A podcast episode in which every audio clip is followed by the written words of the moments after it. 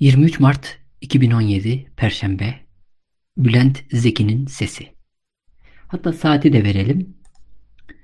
21.21 A 21.21 UTC. Yani Türkiye saatiyle şu anda 24 Mart'tayız. Ama benim kaydıma göre çünkü ben kayıt saatini ve gününü ve saatini söylüyorum şu anda. Benim kaydımın saati UTC olarak A 23 Mart 21-21 olarak başladı. Şimdi e, benim kaydım 21-21'de başladı diyelim. Aa, şimdiki şey, her neyse onu geçelim. Teknik mesele. Çünkü bu bir podcast. Benim ilk podcast'im. Aa, bir podcast olduğu için kayıt saati ve zamanı e, önemli değil. Çünkü zaten daha sonra internete konacak e, kayıttan sonra internete her neyse sonuçta bu benim ilk podcast'im. Bu önemli benim için. İlginç daha doğrusu önemli değil o kadar ama ilginç. Ve daha ilginç olanı ilk kez sesimi ses değiştirici kullanmadan kaydediyorum. Tamam? Peki. Şimdi ilk ah, 16 Nisan referandumu. Ee, 16 Nisan'a şunun şurasında e, birkaç hafta kaldı. Değil mi? Öyle diyelim yani. 3 e, hafta kaldı falan. Ee, şimdi epey bir zaman geçmiş demek ki takvimin başlamasından bu yana. Ee, ama daha ilginç bir şeyden ben başlayacağım.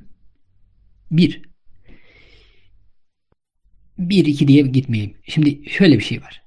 Bu takvim başlamadan önce yani e, referandum kesinleşmeden önce e, maddeler üzerinde daha konuşulurken Halk TV'de tuhaf bir iddia duydum. Bu maddelerin ayrıntılarının televizyonlarda konuşulmasına müsaade edilmeyecek diye bir iddia. Dedim ki yani bu tuhaf iddiayı neden birisi ortaya atar? Sonra o neden sorusunun cevabı ile değil de e, neden yani ortaya atar bunu sorusunun cevabıyla değil de neden böyle bir iddia saçma bir iddia meselesiyle ilgilendim. Bak şimdi açtık haber kanallarını. Tamam mı? O lafı, o iddiayı duyar duymaz açtık haber kanallarını. Sayıyoruz. 30 tane kafa saydık. Hani bu haber kanallarında tartışma programları falan oluyor ya. Tamam. 30 tane kafa saydık ya. Hatta çekmeyen birkaç kanal falan mı vardı neydi? Birkaç kanal çekmiyordu yani o. Tamam. Yani 30'dan fazladır. 30'dan fazladır. 10 kanalda 30'dan fazla kafa sayarsın yani.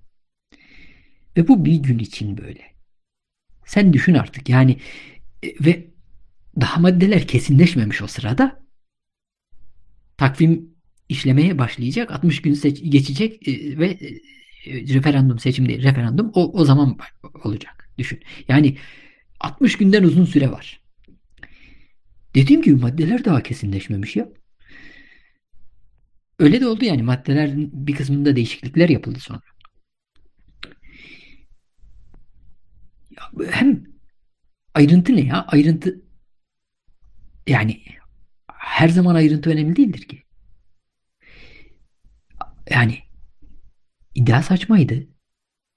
Ama birileri şimdi sen bir haber kanalı falansın yani sen bir dizi kanalı değilsin. Ve diğer kanallara laf atıyorsun. Ne anlamı var ki? Yani laf atıyorsan hadi, hadi ciddiye alınacak bir şey olsun yani lafın. Yani Of. Ee, Her neyse. Şimdi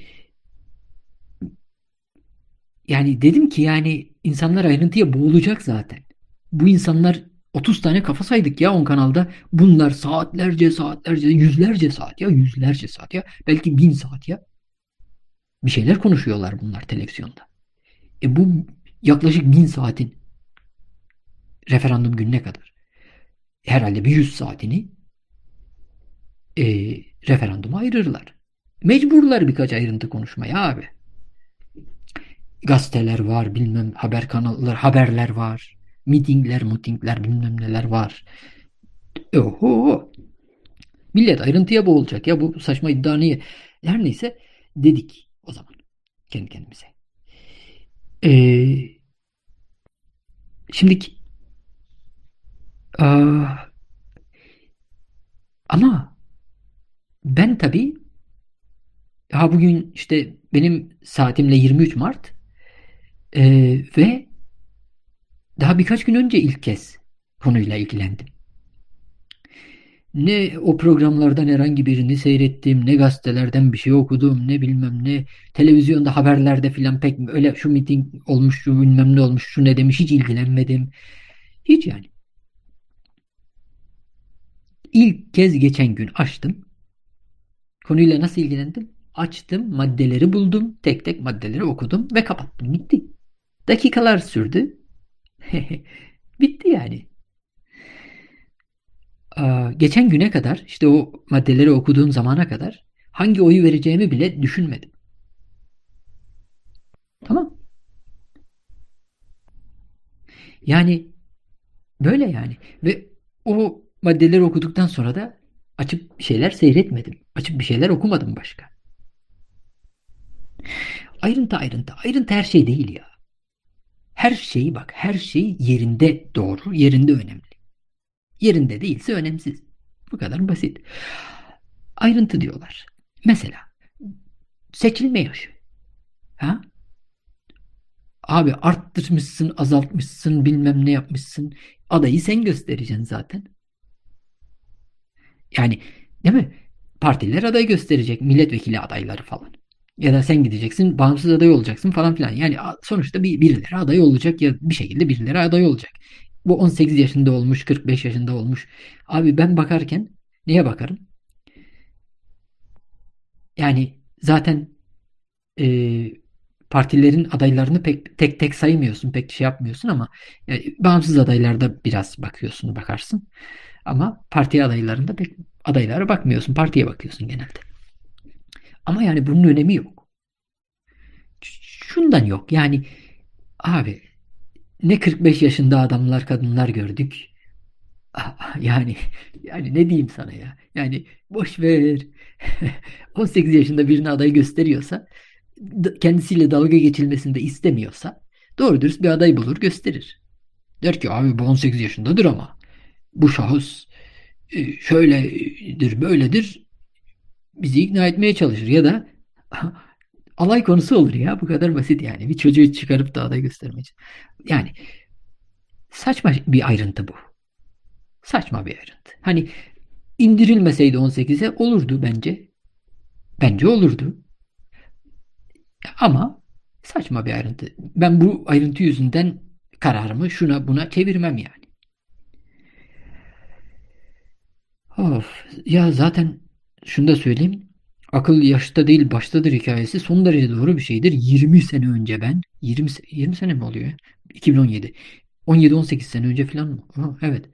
Ben akıl yaşta baş, değil baştadır diyordum yani. Çünkü eskiden beri başkaları da diyordu.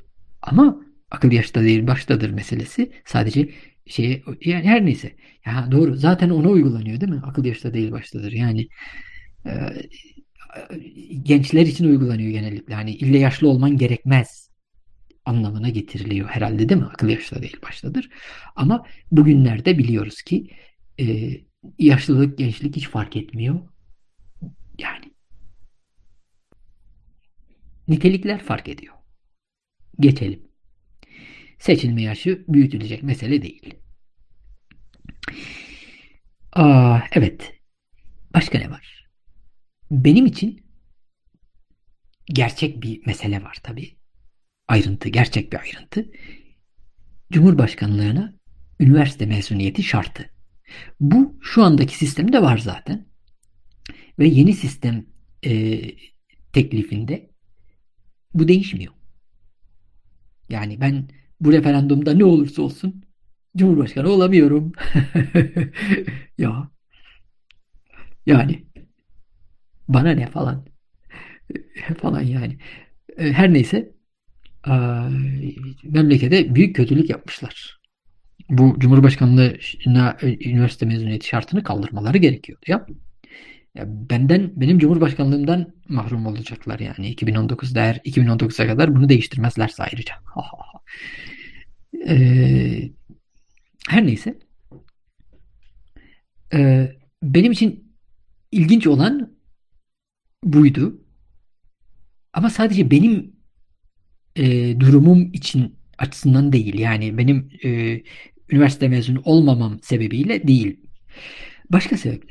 Şimdi ya bu üniversite mezuniyeti şartı niye var? Niye var? Yani mesela hangi üniversitenin hangi bölümünden mezun olacak mesela? Herhalde bundan birkaç sene önce çobanlık diye bir bölüm var çıktı mesela değil mi? Mesela çobanlık mezunu olan kişi Cumhurbaşkanı olabilecek ama ben olamayacağım. Anladın mı? O da olsun ben de olayım. Eğer millet oy verirse. Çünkü hangi bölümden mezun olduğunun hiçbir önemi yok ki. Birçok insan zaten en çok sevdiği, en çok ilgilendiği, en çok önemsediği bölüme girmiyor ki. Bilmiyorum yani. Ve mezun olunca ne oluyorsun? Yine işsizsin, yine bilmem nesin ya da, ya da şudur budur. Yani bölümünle alakasız bir yerde çalışıyorsun filan. Ve daha ilginci, abi üniversite mezuniyeti bilimsel formasyon içindir. Bugün Türkiye'de ve dünyanın birçok yerinde üniversite mezuniyeti bir meslek edinme kursuna dönüşmüş durumda. İşin yani üniversite mezuniyeti odur. Yani bir meslek edindirme sertifikasyonu sistematiği falan sistemi. E ya çok komik ya. Adam diyor ki bu gazeteye diyor üniversite mezunu ancak e, alıyoruz diyor. Ama bakıyorsun o gazetenin çıkarttığı yayına bakıyorsun. internetten şeyini okuyorsun. D'yi dahi ayırmayı beceremiyor vatandaş. Abi bu ne? Senin çıkarttığın ürün bu. Daha başka bir takım şeyler. Yani üniversite mezunu musun sen yani şimdi? E, üniversite mezunusun. Ama bu ne? Bu çıkarttığın iş ne? Yani sadece yazım hataları değil, başka birçok hata var. Ben üniversite mezunu değilim. Ben tenezzül etmiyorum abi. Senin yayınını okumaya ya da seyretmeye. Siz üniversite mezunusunuz, beni işe almazsınız. Ben tenezzül etmiyorum sizi seyretmeye, dinlemeye, okumaya. Tamam. Sen gidip Cumhurbaşkanı olabileceksin mesela. Ama ben olamayacağım. Benim açımdan değil sadece birçok başka insan açısından. Yani şu var. Dediğim gibi yaşta öyle 18 yaş bilmem kaç yaş fark etmez. Nitelik önemli. Ve milletin karşısına çıkıyorsun. İsterse seçer isterse seçmez. Bu, bu da öyle. Üniversite mezuniyeti şartı da öyle. Üniversite mezuniyeti şartının olmaması lazım. Ha dersin ki ya bunlar sonuçta milletvekili değiller. Bu yöneticilik makamıdır. Çünkü yürütme makamı yasama, de, yasama değil ya da yargı değil, yürütme makamı. Çünkü yargıda ve yürütmede zamanın var. Bir konuyu belli bir sürede değerlendiriyorsun ve kararını ondan sonra veriyorsun. Bu arada başkalarıyla danışabilirsin, bir takım şeylere bakabilirsin.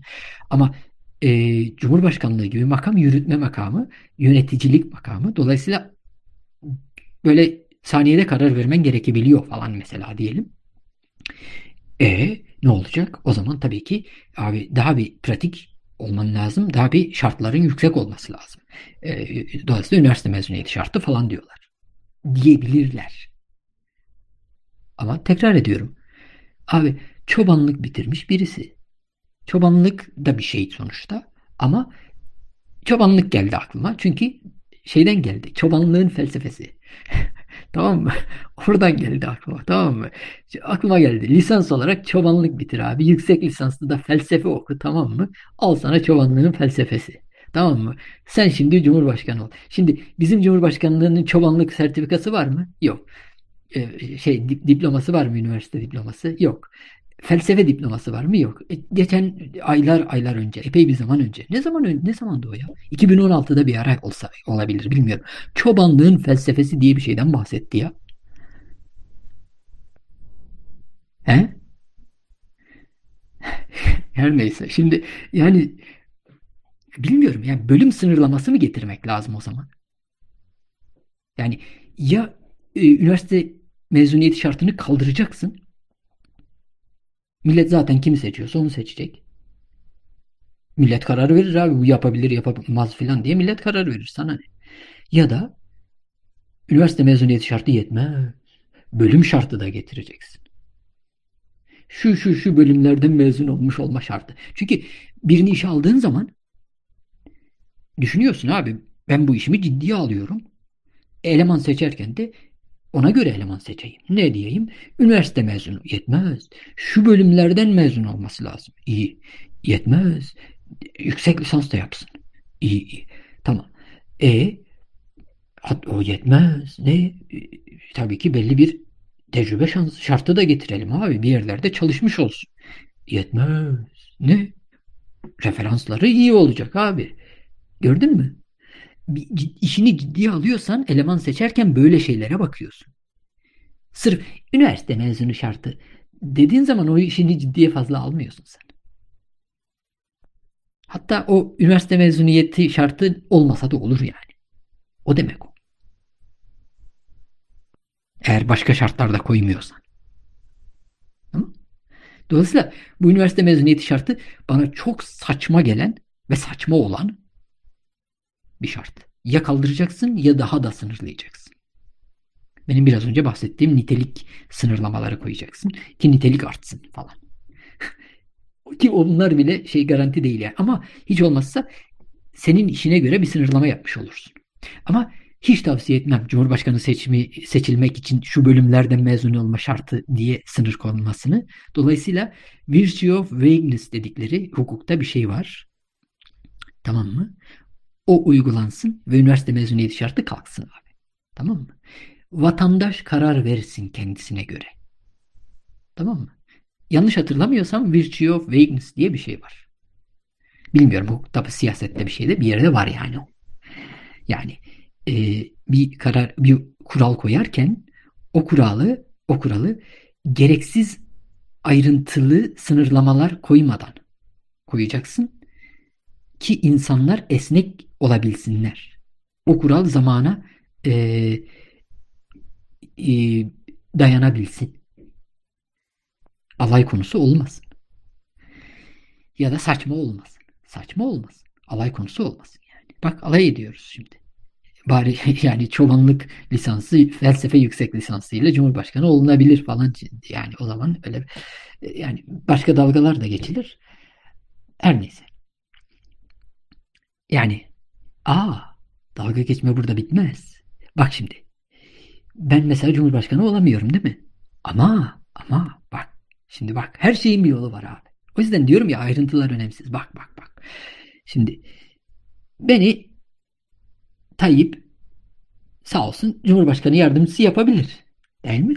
Ha, şimdi e, biz de Cumhurbaşkanını arada bir bir yere yollarız. Ne oldu? Geçici Cumhurbaşkanı. Üniversite mezunu olmadan Cumhurbaşkanı olunabiliyormuş. Gördün mü? Her şeyin bir yolu var. Her neyse bu çok komikti. Şimdi öyle ama. Aa, ve işin komik tarafı asıl bu bile değil. Asıl şu. Abi hani üniversite mezunu yeti şartı vardı Cumhurbaşkanlığı için? Başkan yardımcıları milletvekili seçilebilme yeterliliği. Hayda. O, ya Cumhur, geçici de olsa Cumhurbaşkanlığı yapacak o şahıs. O niye Cumhurbaşkanı şey e, üniversite mezunu olamıyor, olmuyor? İlginç değil mi? Demek ki ha, dalga geçilecek şeyler var yani işin içinde. Tamam mı? Eee Mesela bu Abi yöneticilik makamıdır bunlar. Bunlar için tabii ki e, üniversite şartı falan lazım falan diyorsan eğer e, Cumhurbaşkanlığı için e, ciddi yöneticilik ister. O yüzden üniversite mezunu olacak diyorsan abi başbak dedik ya işte Cumhurbaşkanı yardımcıları için üniversite mezuniyeti şartı yok. Bakanlar için yok. E onlar da yönetici. Yürütme e, şeyi erki o. Yasama değil, yargı değil. Acil işler, ani kararlar. Hani yabancıların şeyi vardır. E, 3 a.m. call diye bir şey vardır. Hani sabahın üçünde telefonun çalıyor. Çok önemli bir karar vereceksin. E, hikayesi. E, e, bakanlar için yani ben kısacası ben Cumhurbaşkanı yardımcısı ve bakan olabiliyorum yani. Dolayısıyla benim için mesele değil aslında. E, Cumhurbaşkanı yardımcısı olursam geçici bak Cumhurbaşkanlığı bana e, hazır. Önemsiz şeyler bunlar. Yani. Peki. Aa, önemsiz şeylerden e, başka şey şeyi görelim. Mesela e, ne var?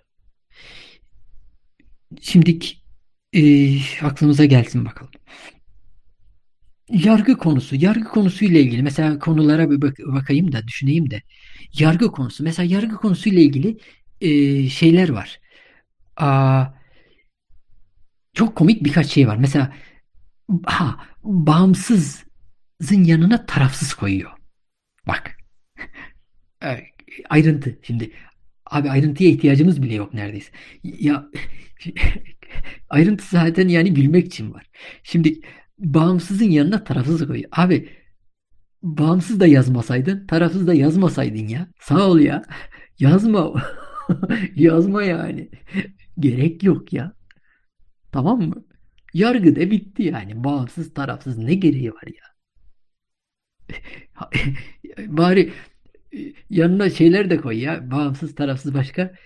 E, doğru neydi? Hani habercilikte filan derler ya doğru haber dürüst ha, ha dürüst dürüst. Ha dürüst tabii dürüst de koyacaksın. Şimdi bağımsız tarafsız olmaz. Dürüst koyacaksın abi. Bir de dürüst koy oraya ya. Bir sonraki değişiklikte dürüst ekliyoruz abi. Tamam mı? Bu da var yani. Gereksiz şeyler ya. Ayrıntı gereksizdir birçok durumda. Tamam mı? Tamam. Şimdi bak. Lan bu şeye döndü ya. Cem Yılmaz'a döndü bu ya ama ne yapayım abi güleceğim yani. Espri yapıyorum. Allah. Yapmam lazım abi. Şimdi geçelim. Yani başkasının işine göz koymuş değilim yani. Vallahi değilim yani. Ama kusura bakmasınlar yani. Her neyse. Şimdi e, ya ha, ha, şimdi böyle bir şey var yani ya ba bağımsız tarafız ne ne ne ne saçma sapan bir karar verirse millet dalga geçer zaten. Ulan milletin içine çıkamaz. ekmek almaya gidiyor. Neyse yani sonuçta ah şu kararı vermiş olan adam falan diye. Bir, şey içeyim ya. Oo, bir saniye.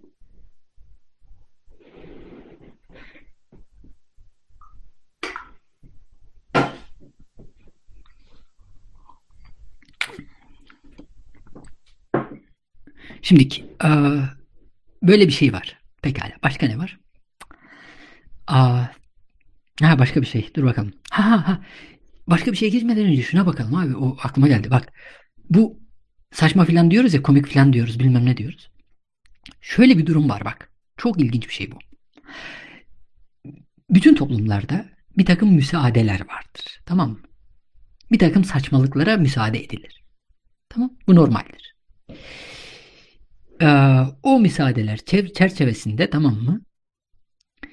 İnsanlar bazı saçma sapan işleri yapmaya devam ederler. Saçma sapan kararlar verirler, saçma sapan şeyler olur, saçma sapan maddeler koyarlar, saç, saçma sapan şeyler olur. Bunlara ayrıntı denir tamam mı? Bunlara da ayrıntı denir yani sırf bunlara. Yani ayrıntı sadece bu değildir tabii. Ayrıntı saçmalık değildir de. Hmm, hani şey Devil in Details falan hikayesi de var yani değil mi? Yani sonuçta Türkiye'de Türkçe'ye nasıl çevirdiler? Şeytan ayrıntıda gizlidir falan diye çevirdiler. Her neyse. Read between the lines derler değil mi? Yani Yani sonuçta şeyleri okuman lazım. Bir takım şeyin ayrıntısını ve ayrıca ayrıntı yetmez. Geri planını düşünmen lazım. Hani subtext. Subtext mi diyorlar? Yani sonuçta bir takım e, ne ima ediliyor filan bütün bunlara bakman lazım tabi. Sırf ayrıntı bile değil. İhtimaller. Bütün hepsine bakman lazım. Ama ayrıntı saçma olabiliyor onu söylüyorum. Bir mem memlekette, her memlekette bu böyledir. Bazı şeyler saçmadır ve saçma devam ederler. Tamam mı? Ona müsa onu bileceksin, ona müsaade edeceksin. Herkes de müsaade eder zaten. Dolayısıyla böyle saçma şeyler var. Yani yargının şeyine tarafsız koyuyor, bağımsız ekliyor, bilmem hatta yarın dürüst ekler dediğim gibi falan filan. Saçma ama yapıyorlar. Müsaade edersin. Boş ver geç. Mesele yapma. Bence yapma yani. Pekala. Yazmış yazmamış. Bana ne? Var yani. Çok yani bu, bu, bu saçma olmadı söyleyeyim bak. Şöyle bir şey söyleyeyim bak. Bunu hemen ispat edeceğim. Futbol. Futbolda tonla saçma şey var. Tamam mı? Oluyor yani. Mesela biri birine omuz atıyor. Öteki yuvarlanıyor ama faul bile çalınmıyor. Çünkü diyorlar ki bilmem abi omuz omuza mücadele falan. Öyle bir şey var herhalde bilmiyorum. Bir zamanlar vardı şimdi bilmiyorum. Veya e, yani bazı şeyler var onlara müsaade ediliyor. Mesela hücuma çıkıyorsun tamam mı? Hücuma çıkmışsın. Karşı kaledesin. Gol atmaya çalışıyorsun. Ama top gitmiş. Hayda hücum bitti yani. Karşı taraf topu alacak. Hücuma çıkacak. Hop hop yani öyle olmaz. Ne yapıyorsun? Şöyle ince bir faal yapıyorsun. Tamam mı? Hakem faal çalıyor tabii canım. Faal yapıyorsun değil mi? Hakem aa, hakem işini yapıyor faal çalıyor. Abi çok komik. Sen zaten faul çalmasını istemişsin hakemin. Niye? Çünkü karşı taraf atağa, hücuma çabuk çıkamasın diye. Ve hakem faul çalmış. Yani hakem senin istediğini yaptı. Aslında sana faul çalması lazım falan yani hani sana ceza vermesi lazım ama sana ödül veriyor. Çünkü sana sarı kart falan vermiyor. Sadece faul çalıyor. Faul çalınca ne oluyor? Karşı taraf hücuma hızlı çıkamıyor. Şimdi çok komik değil mi? Saçma. Yani ama çalıyor. Bilmiyorum. Her zaman çalır mı çalmaz mı bilmiyorum. Onun kuralı var mı yok mu ama öyle şeyler gördüm. Öyle şeyler gördüm yani. Her neyse de. Yani gördüğün gibi daha neler mesela filmlerde vardır saçmalık. Müsaade edersin. Yani insan arada bir düşünüyor ya ben bu filmi niye seyrediyorum? Çünkü filmin öyle bir noktasında öyle bir şey oluyor ki bu saçma. Ama dur hele diyorsun seyrediyorsun. Çünkü film o. Müsaade ediyorsun. Yoksa birçok filmi seyredemezsin. Bütün masallar sana saçma gelen şeylerle dolu. Masallar bir şeydir yani. Masal okuyamazsın. Daha birçok şey böyledir. Müsaade edilen saçmalıklar sanat yaratır. Hayatın bazı inceliklerini yaratır. Bazı başka şeyleri yaratır. Tamam? Bazen komiktir, bazen şeydir, bazen gereksizdir ama sonuçta e, çok yerde vardır. Her neyse geçelim. Yani gördüğün gibi e, bazı ayrıntılar e, müsaade edilen saçmalıklardan da oluşabiliyor. Saçmalıklar sınıfına da kategorisine de girebiliyor.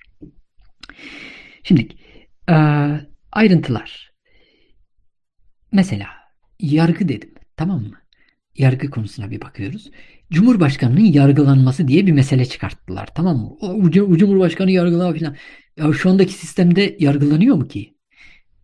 Onu da anlamadım ben. Şu andaki sistemde bir cumhurbaşkanı diyelim ki gitti bir PTT'yi soydu. Tamam mı? Tayyip geçirmiş çorabı kafasına girmiş PTT'ye diyelim. Tamam mı? Hadi bakalım. yani kamera var abi.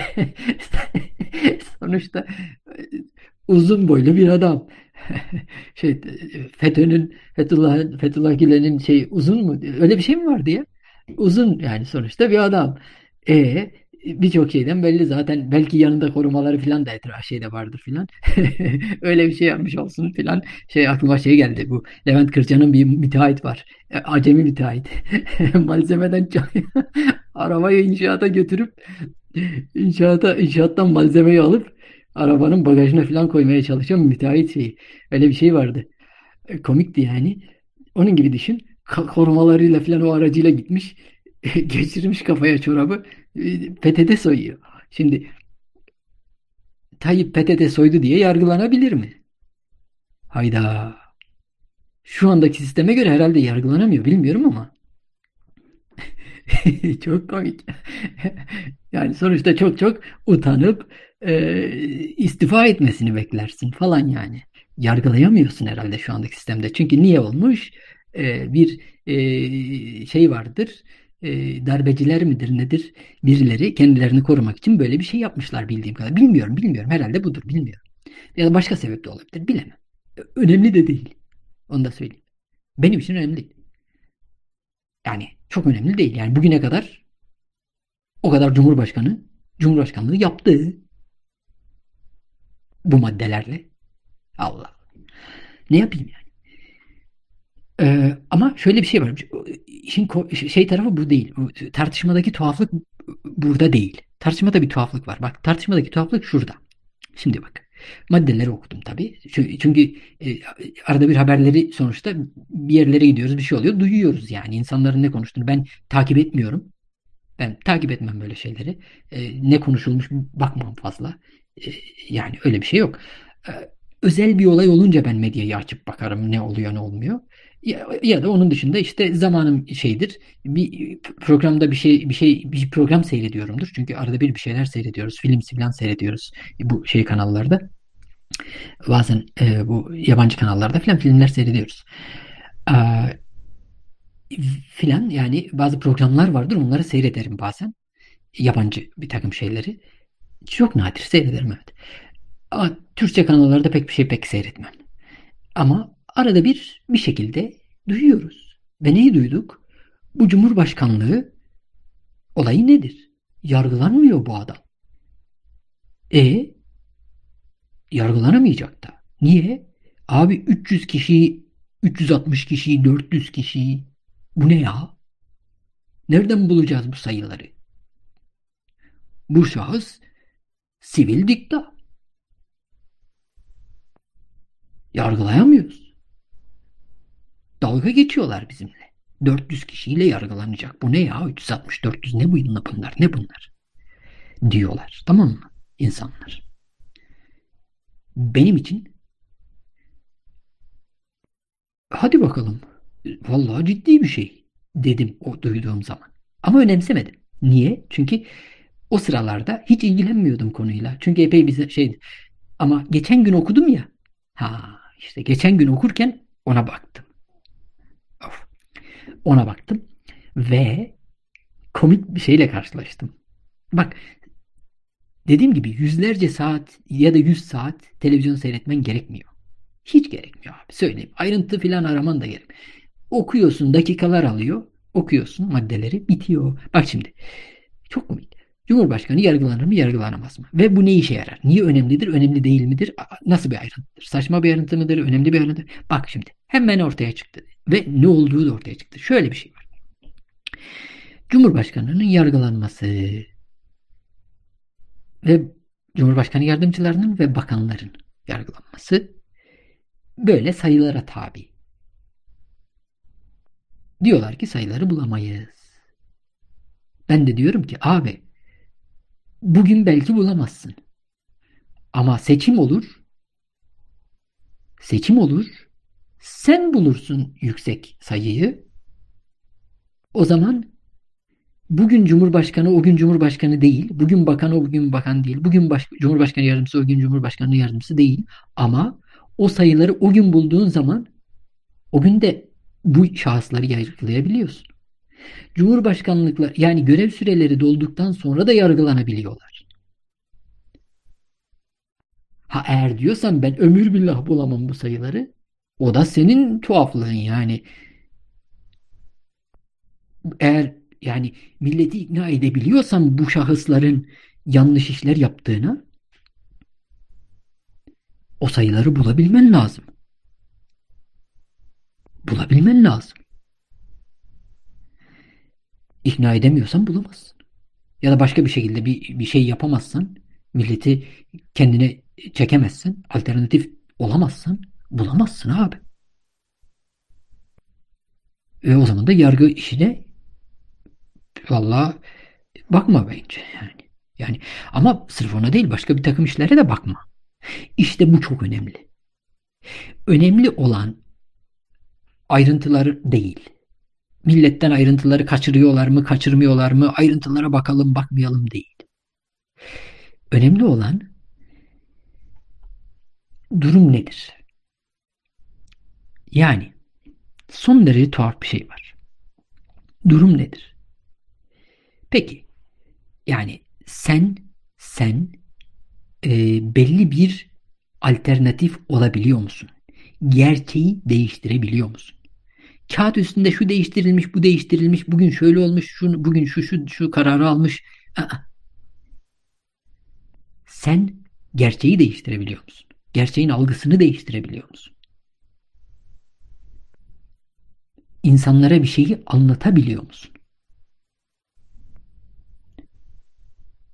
Ve insanların oyunu alabiliyor musun? Reyini alabiliyor musun? Onayını alabiliyor musun? İnsanlar seninle konuşurken abi sen de haklısın derler. Bu huyudur insanlar. Sokakta gezerken gezer, gezdiğin zaman bakarsın ki sen her şeysin. İnsanlar sana tabii ya sen haklısın derler. Sokakta böyle olur, olur yani. Ama sandıkta başka iş. Aa, yani sokakta dedim yani karşı karşıya konuştuğun zaman şeydir. Yoksa mesela Hillary'nin durumunda öyle değildi. Amerika'daki 2016'daki seçimlerde öyle değildi. Hillary'nin zaten durumu e, sokakta da belliydi yani. Ve e, öyle yani. Sonuçta e, popüler oyu kazandığını söylediler. Aynı fikirde değilim. Aa, çok ciddi işler döndü orada. Ha işte orada şunu öğrendik. 2016 bu çok önemli. 2016'da Amerika'da olan seçimler Türkiye'de seçim sisteminin ve bu seçimler efendim son derece iyi yürüdüğünü gösteriyor. Abi çok iyiyiz. Çok iyiyiz, çok iyiyiz. Tamam Bu kadar basit. Amerika'dan çok çok daha iyiyiz. Yani seçim yolsuzluk şeyler, seçimlere hile karıştırma falan filan işleri var ya. Şey açısından iyiyiz. Yani e, oyların sandığa girmesinden sonra sayılması açısından son derece iyiyiz. Tamam mı? Son derece iyiyiz. Ama tabii şey açısından iyi değiliz. Yani e, bir takım işler dönüyor bir yerlerde. Nasıl? Mesela bir adam bir köye gidiyor, bir yere gidiyor. Ulan diyor buradan falanca yere oy çıkarsa insanlar ölür diyor. Oluyor bunlar. Yani PKK, MKK işleri falan iddia böyle yani. Oluyor bunlar dedim iddia budur. Yani ben görmedim. Dolayısıyla oluyor bunlar demem aslında doğru değil. Ama böyle yönde ciddi iddialar var. Tamam. Ya da başka şeyler yani ama bunlar genel şeyler yani insanlara uygulanan genel baskılar bunlar. Ama sonuçta sen seçimde oy kullanmaya gittiğin zaman o kabine girdiğin zaman o zamandan itibaren Türkiye'de işler Amerika'dakinden çok çok daha çok çok daha temiz. Çok çok daha temiz. Her neyse geçelim. Yani e, sokak, sonuçta sokakta ileri kaybetmişti. Seçimde de kaybetti. Bence. Onu söyleyeyim. Popüler oy dahil. Zaten county'ler diye bir şey var. O county'lerde bak ona göre say bizdeki ilçe gibi o. E, ciddi bölümlenme, e, siyasi bölümlenme öyle oluyor e, Amerika'da. E, onlara göre say bak ciddi ciddi e, Hillary'nin fena halde kaybettiğini görüyorsun çok fena kaybettiğini görüyorsun. Veya işte o yüzden zaten Electoral College dedikleri o e, ikinci seçmen şeyinde fena halde tabii ki e, kaybetti. Onu da söyleyelim. Popüler oyu da bence kaybetti diye tekrar edeyim. Peki ama e, şey yapalım. E, bunları geçelim de e, şeye bakalım. Aa, şimdiki Cumhurbaşkanı yargılanması falan ya onu geçtim ben şeye geldim ya bu e, şey dedim yani gerçeği değiştiremiyorsan gerçeğin algısını değiştiremiyorsan e, anlamı yok. Anlamı yok. O zaman zaten o zaman zaten kusura bakma da şeysin yani ne, ne, ne derler ona ben ne diyordum ona ben e, marjinal marjinal kalıyorsun. Türkiye'nin öyle bir problemi var. Senelerdir onunla uğraşıyoruz zaten. Onu çözmek için e, neler yapılır diye bakıyoruz. E, ama insanların pek niyeti yok onu çözmeye. Tamam mı? E, şu söyleyeyim. Marjinal duruma düşmüş olanlar e, marjinal duruma düştüklerini e, açıktan kabul edip e, bunu çözelim abi biz engel oluyoruz millete demedikçe e, hani var ya e, bağımlılığını kabul etmedikçe e, bağımlılık falan çare şey, şey yapmıyorsun yani e, çare yoluna düzelme yoluna girmiyorsun falan hikayesi var ya onun gibi onun gibi. Onlar da marjinallik bağımlılığı e, durumuna düşmüşler. E, kabul etmiyorlar ba marjinallik bağımlılıklarını. Ne yapacaksın? Millette böyle bir şey var yani şeylerde. O, o bazı kesimlerde ve onlara oy vermeye devam edenlerde. Her neyse. Yani onu, onu başka şeylerde konuşacağım. O, o öyle bir şey var. Öyle bir problemimiz var yani. Çare için oy vermiyorlar. inat için oy veriyorlar. Gerçi şöyle bir şey söyleyeyim. Mesela e, birinci gelen partiye de oy verirken çok mantıklı bir şekilde oy verilmiyor. Onu da söyleyelim. Ama hiç olmazsa o birinci gelmiş o da oy o veriyor. Yani bilmiyorum yani. Hani birinci geldi diye birine oy vermeyi anlarım. Ama hiç birinci olamadı, olamayan birine oy vermeyi e, çok ciddi sebep lazım. Çünkü bir kere oy verirsin. Anlarım. İki kere oy verirsin. Anlarım. Abi 20 kere oy verdiğin zaman işte ya da bilmem 7 seçim, bilmem kaç seçim, bilmem oy verdiğin zaman ve oturup da ya bunu çözelim bu böyle olmayacak. Böyle biz sürekli kaybedeceğiz. Başka bir yol bulalım. Başka bir parti mi kuruyoruz? Bir şey mi yapıyoruz? Yani ya da bu bizim partileri bir, birkaç partiyi birleştiriyor muyuz? Ne yapıyoruz? Bir şey yapalım ya böyle olmaz ki böyle hep kaybedeceğiz. Bu olmaz böyle demiyorlar. Her neyse geçelim o konuları. Geçelim o konuları. O başka zamanların konusu. Yani gerçeği değiştiremiyorsun. Sonuçta da ne, elinde ne kalıyor? Bunlar sivil dikta demek kalıyor. Tamam o aa onun bir takım sebepleri var. Yani millet açısından değil de o alternatif oluşturmayan bazı insanların birkaç sebep şeyleri var. Onu daha sonra bakacağım ona ben. Her neyse şimdiki aa, şey tamam Tamam ayrıntılar ayrıntılar bunlar. Peki. Peki ne için oy vereceksin abi? Ben ne için oy vereceğim ya? Değil mi?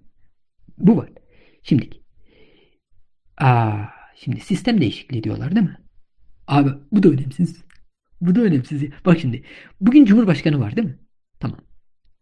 Yarın yine Cumhurbaşkanı oluyor diyorlar değil mi? Yok başkan oluyor. Başkan oluyor. Önemli mi? Yok önemsiz. Çünkü Bugün de zaten %50 oy alıyordu falan diyelim. %40 %60 arası oy alıyordu değil mi? Bu referandumda %58 e, mi oy almıştı? E, e, şimdi sonuçta 12 Eylül referandumunda. O civarda oy almıştı. %40 %60 oy arası bir yerlerde geziyor. Genellikle %40 %50 arasında geziyor. %52 arasında geziyor diyelim. %40 %52. %42 %52 ya. Her neyse ya işte öyle bir şeyler. Sonuçta sonuçta. Karşında zaten çok ciddi oy alan bir, birileri var. Ha başbakan olmuş, ha, e, ha, ha cumhurbaşkanı olmuş, ha başbakan olmuş, ha başkan olmuş fark etmez abi. Yapacağını yapar zaten. Dediğim gibi aynı şeye geliyor. Sen e, alternatif oluşturamıyorsun. Peki e, demek ki önemsizmiş. Başkanlık sistemiymiş, cumhurbaşkanı adı neymiş filan. Önemi yok. Önemi yok. O yönde yok abi ne yapayım. Bakalım. Şimdi şu anda yürütmenin başı sisteme göre zaten Cumhurbaşkanı. Yarın da Cumhurbaşkanı. Şu anda Bakanlar Kurulu'nu zaten istediği zaman toplayabiliyor. Eğer yeni sistem onaylanırsa yarın diyoruz yine Bakanlar Kurulu'nu zaten o toplayacak. Ama bugün de zaten toplayabilir. Zaten Başbakanı o seçiyor şu anda. Başbakan zaten onun yardımcısı sayılır ya. Öyle yani. Tamam mı? Öyle. Bu kadar basit bu. Çünkü meclisteki parti zaten onun partisi. Çünkü en çok oy alan, niye onun partisi? Çünkü şu andaki sistemde zaten Cumhurbaşkanını partiler seçiyor. Şu anda partiler dışında aday gösteremiyorlar ki kimse. Şu andaki sistemde Cumhurbaşkanını partiler seçiyor. Ve en çok oy alan parti zaten genellikle en çok oyu almasına sebep olan kişiyi aday gösteriyor falan. Ya da işte bayağı bir ben aday gösteriyor. Değil mi? Şart değişirse şey olursa mesela Abdullah Gül'ü aday gösterdiler değil mi? Biz de Abdullah Gül'ü aday göstermelerini e, tavsiye etmiştik diyelim. Abdullah Gül'ü aday gösterdiler. O oldu. Değil mi? Yani sonuçta şu andaki sistemde zaten parti adayı gösteriyor. Parti adayı gösteriyor demek kendisi gösteriyor. Yani en çok oy alan kişi zaten. o partinin başkanı.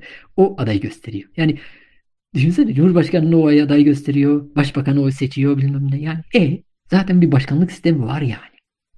Hatta feci bir başkanlık sistemi var. Meclisi de kontrol ediyor tamamen çünkü zaten parti onun partisi. Yani dolayısıyla görüyorsun değil mi? Ee, ama bir fark var. Küçük bir fark var. Şey var. O da şu.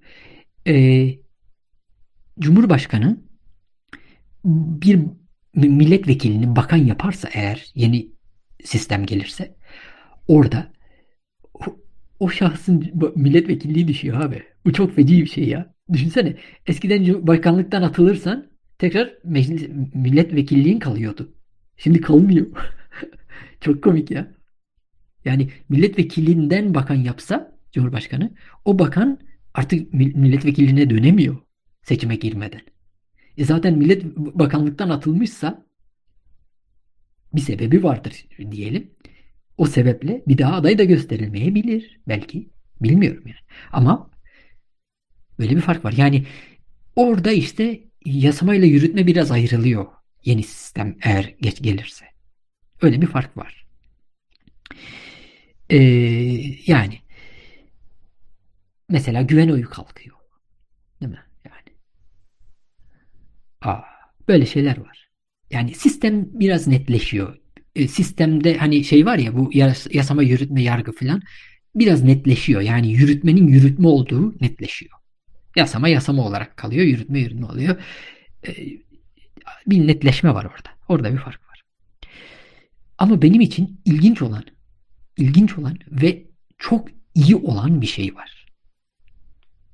100 bin kişiyle Cumhurbaşkanlığına aday gösterebiliyorsun. 100 bin imza buluyorsun. İstediğini Cumhurbaşkanına o 100 bin imza ile aday gösteriyorsun. Benim çok kızdığım çatı meselesi var ya. Çatı meselesi ortaya çıktığı zaman ben ne dedim? Bunlar bunu yaptılar. Böylece Recep Tayyip Erdoğan o sırada benim Geçersiz Oy Partisi'nin ciddi şey dönemiydi. Çünkü bu e, şey zamanıydı bu PKK ile e, şey zamanıydı. Neydi akil insanlar filan bu ha çözüm süreci bilmem ne falan filan var açılım açılım o, onlar dönemiydi. Ben de fena halde karşıydım bazı şeylere ama karşı olmamın temel tabi Geçersiz Oy Partisi'nin temel sebebi o değil tabi zaten. Temel sebebi e, bu seçim barajı meselesiydi. Benim için seçim barajıyla uğraşmanın sırası gelmişti. E, sonuçta Recep Tayyip Erdoğan çıktı seçim barajının yüzde onda kalacağını söyledi ve ben de Geçersiz Oy Partisi'ni e, kurdum. Daha doğrusu o konsept kelime zaten kelimeler zaten vardı o ifade ama ben ona kendi konseptimi yaptım. Dolayısıyla Geçersiz Oy Partisi sistematiğini ilk kez kurmuş olduk. Tabii o e, daha sonra bağımsızlar sistematiğine dönüşmüş durumda. Onu söyleyeyim. Yani arada bir bir partiye oy verirsin, arada bir dönersin, şey yaparsın. E, istediyse kadar sana dönek desin, bilmem ne desin. Sen kararına göre senin için uygun olan her şeyi yapmak durumundasın. Senin iraden senin elinde olmak zorunda. İstersen hiçbiri diye bir oy kullanırsın. İstersen şu baş öbürü diye bir oy kullanırsın. Her zaman aynı partiye oy vermek gibi bir görevin olmamalı. O zaman seçimlerin hiçbir anlamı kalmıyor. Çünkü seçimler e, katı grupların meydan savaşına dönüşmemeli. O zaman çünkü o zaman her zaman aynı sonuç çıkar. Saçma. O yüzden Geçersiz Oy Partisi'ni kurdum. Yani e, çünkü e, barajın yüzde beşe düşürülmesi bu katılığı engellerdi. Biraz e, daha e, o e, cepheleşme sistematiğini engellerdi. Hiç olmazsa bir çareydi yüzde beşe seçimlerin şeyin, şeyin barajın düşmesi. Onu tamamen reddedince e, e, Tayyip e, çünkü yüzde 58 oy almışsın 2010'da artık biraz daha sistemi şey yap yani aç biraz sistemi. Sistemi açmadı. Başka açılımların peşinde düştü. Neyse. Ee, ben de tabii ki çok kızıyordum. Ee, ve e, çatı meselesine fena halde kızdım. Şey dedim ya bunlar Tayyip'i hiç yıpranmadan Tayyip hiç yıpranmadan bu çatı meselesi yüzünden birinci turda seçilir. Böyle saçmalık olmaz dedim. Ve doğru da çıktı öyleydi. Bu çatı saçmalığı işte bu 100 bin imza sebebiyle yani eğer bu 100 bin imza olayı olsaydı sırf partiler aday göstermeseydi, şahıslar da aday gösterebilseydi imzalarıyla bu çatı saçmalığı mesele olmaktan çıkardı. Bu çok önemli. Diyelim ki şey çünkü orada bir şey var. Ben okudum onun ayrıntısında %5'i bulabilen partiler de e, aday gösterebiliyor. Ama önemsiz.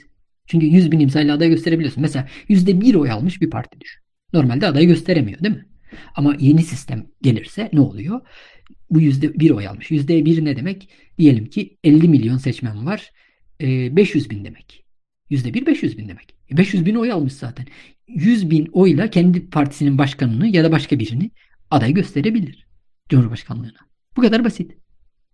Yani o 2014'te böyle bir sistem olsaydı iş ikinci tura kalırdı. Mesela Deniz Baykal'a aday gösteren birileri çıkardı. Ve belki Deniz Baykal'ı Cumhurbaşkanı yapabilirlerdi. Bilmiyorum ya ya da başka birilerini, başka birilerini. Yani hiç aklına gelmeyecek birini bulur millet. Tamam. Bu yönden çok iyi bu. Onu söyleyelim. Ee, ve ben ve ben e, şöyle bir şey yapacağım. E, bu seçimde dolayısıyla geçen gün okudum. E, tartışmalara belki bakarım belki daha ne olur filan falan. Dolayısıyla oyumu, reyimi bilmiyorum tam. Ama benim için baktığım zaman e, yani işte zaten son haftalara doğru ben artık bakarım, okurum, şey yaparım. Bir takım şeyler yaparım. Ona göre kararımı netleştiririm. Ben öyle otomatik karar vermem abi. Zaman var ya. Benim için şimdi mesela ben e, bu Cumhurbaşkanlığının üniversite mezuniyeti şartı 18 yaş filan filandan ulan ben buna hayır derim filan bile diyordum ama e, espriydi. Espriydi. Şimdi de e, ulan bu 100 bin imza meselesi güzel bir şey ve ayrıca e, şey de iyi. E, mesela Cumhurbaşkanlığının yargılanması bir sonraki dönemde yargıla abi. Cumhurbaşkanlığının bir sonraki yani 400'ü bulamazsam diyorsun. Bir sonraki dönemde çalış 400'ü bul yargıla. Yani bilmiyorum yani o zaten şimdi de mesele değil. Yani bu yeni sisteme geçilmese zaten aynı şu anda da yargılanamıyor. Daha kötü bile. Hiç yargılanamıyor bir, bir, bir takım konular. Dolayısıyla önemsiz. Hepsi yani sonuçta önemsiz şeyler çok. Dolayısıyla evete biraz daha yakın onu söyleyeyim. Göreceğiz. Ee, göreceğiz. Şimdi sonuçta sonuçta bütün bu şeylerin sonunda şöyle bitireceğim. Gerçeği değiştiremiyorsan tamam mı? Kağıt üstünde yazanlar değişmiş, değişmemiş. Kaç yazar ya? Alternatif oluşturamıyorsan millete gidemiyorsan, vazgeçemiyorsan, milletin yolunu önünü tıkamaktan vazgeçemiyorsan, bir tek şey kalır elinde. Çıkarsın ve oy almayı becerebilenlere despot dersin. Ve insanlar da sana ee der. Çünkü ötekine oy veriyorlar zaten. Ve senin böyle dediğini biliyorlar zaten. Dün de biliyorlardı. Siyaset bu değil.